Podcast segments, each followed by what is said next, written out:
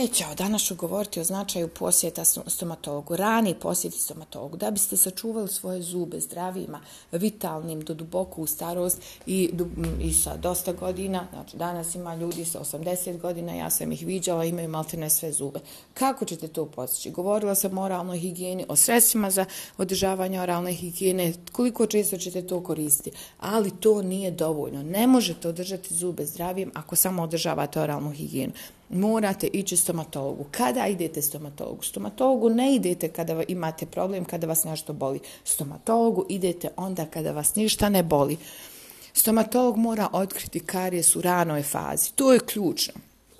Znači, najveći problem u, problem u stomatologiji koji uzrokuje sve ostale probleme, to je karies. Imaju i parodontalna oboljenja koja mogu biti juvenilni parodontitisi, ne znam, parodontitisi u zreloj dobi, e, parodontitisi koji su uzrokovani nekim vanjskim agensima, pušenjem, pogrešnom ishranom, hemikalijama i tako dalje. Međutim, to je sve sporedno.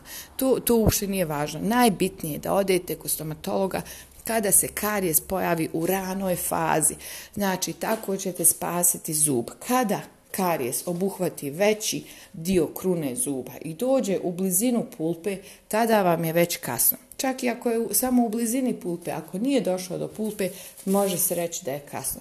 Tada će to pokušati da spasi vašu guzicu, odnosno vaš zub na taj način što će ukloniti karijes, doći do blizu pulpe, da li će otvoriti pulpu ili ne, ukoliko zub ne pokazuje neku strašnu simptomatologiju, znači to su neki bolovi koji se javljaju na toplo i hladno, onda će stomatolog staviti lijek. Šta je lijek? Lijek je obično neko privremeno, znači podloga na bazi kalcijum hidroksida, um, ima i sad raznih zatim preko toga će staviti neku privremenu plombu i onda će čekati. Znači onda se čeka da organizam uključi svoje reparati, reparatorne mogućnosti, svoje regenerativne mogućnosti da nadoknadi tu štetu koju ste vi napravili time što niste došli na vrijeme. Ukoliko to sve bude pozitivno, rezultat bude pozitivan, bude nekog efekta od toga. E, imate jak organizam, dobre zube, ranije ste to recimo vodili računa o ishrani, o, o higijeni zuba, onda će to sve se završiti sa trajnim punjenjem i imat ćete taj zub još neko vrijeme. Ali ne smijete se opuštati jer taj zub je, tako da kažem, E, manje vrijedan, biološki manje vrijedan i vrlo vjerovatno da ćete u neko, neko dogledno vrijeme morati da liječite, da vitalizirate taj zub. E, liječeni zub nije isti kao vitalan zub. Vitalan zub je dobro inerviran, dobro vaskulariziran.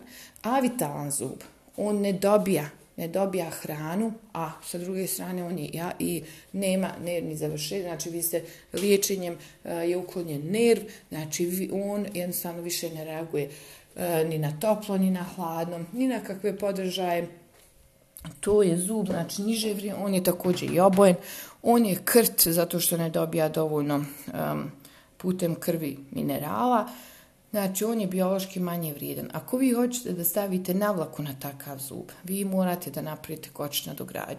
Kočna dogradnje najbolje su e, metalne kočne dogradnje livene, a imate i one konfekcijske koji su obično napravljene od nekih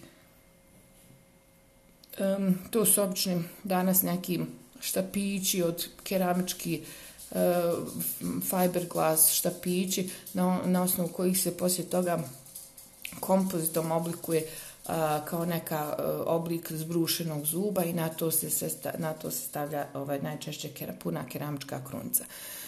Znači, ovaj, takav zub može nositi most, ali pored njega kao nosača mosta morate uključiti još jedan nosač mosta. Znači, to znači ukoliko imate liječni zub, da ćete poslije toga, to znači isto kao da imate, pardon, kao da imate ono, jedna stvar, znači jedan problem povlači drugi. Znači, devitaliziran zub, ako hoćete nešto protetski, morate zbrusti zub koji se nalazi do njega. Kad se zbrusili zub do njega, to više nije isti zub, znači to je zub koji je također biološki manje vrijedan. Znači, ukoliko imate liječne zube u ustima, to nije dobra opcija. Što veći broj liječenih zuba, nemojte misliti da ste vi e, dobar posao uradili ukoliko imate veliki broj izliječenih zuba i ti zubi još uvijek su To su mrtvi zubi, znači vi morate da se brinete o svojim zubima da ostanu vitalni. Da da bi to bilo, morate otići kod stomatologa prije nego što vas zub zaboli, prije nego što karijes dođe do pulpe. To je jedini način. I ukoliko je neko sklon parodontozi, to može biti genetika, to može biti pušenje, to mogu biti lijekovi, to može biti pogrešan način četkanja zuba. Tada isto tako postoji i zato terapija, prvo je konzervativna, znači morate očistiti morate jako dobro održavati higijenu kod parodontopatičnih zuba i povremeno otići kod stomatologa svakih šest mjeseci na čišćenje mekih i tvrdih naslaga. Šta su meke naslage? Meke naslage to je zubni plak. Zubni plak možete i vi očistiti u svojim u kući, znači četkica zube, pasa zube, konac i tekućina, dobra tekućina za ispiranje usta. Tvrde naslage, tvrde naslage, to su konkrementi koji se sastoje iz minerala, obično kalcija koji nastoje taloženjem tih minerala iz e, pljuvačke. Neki ljudi jednostavno imaju sklonost e, povećanom stvaranju tog kamenca. Kamenac nije samo e, da se sastoji iz minerala. On, u njemu on je znači porozan i unutra ima jako puno bakterija. Znači taj kamenac morate skinuti.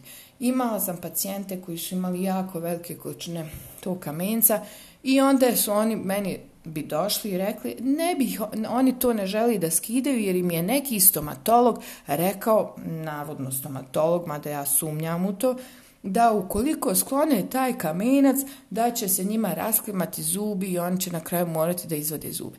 Znači, to je jednostavno pogrešno i to je zamjena teza. E, kamenac će uništiti zub. Znači, on vremenom dolazi do uništavanja zuba, sporog, ali sigurnog.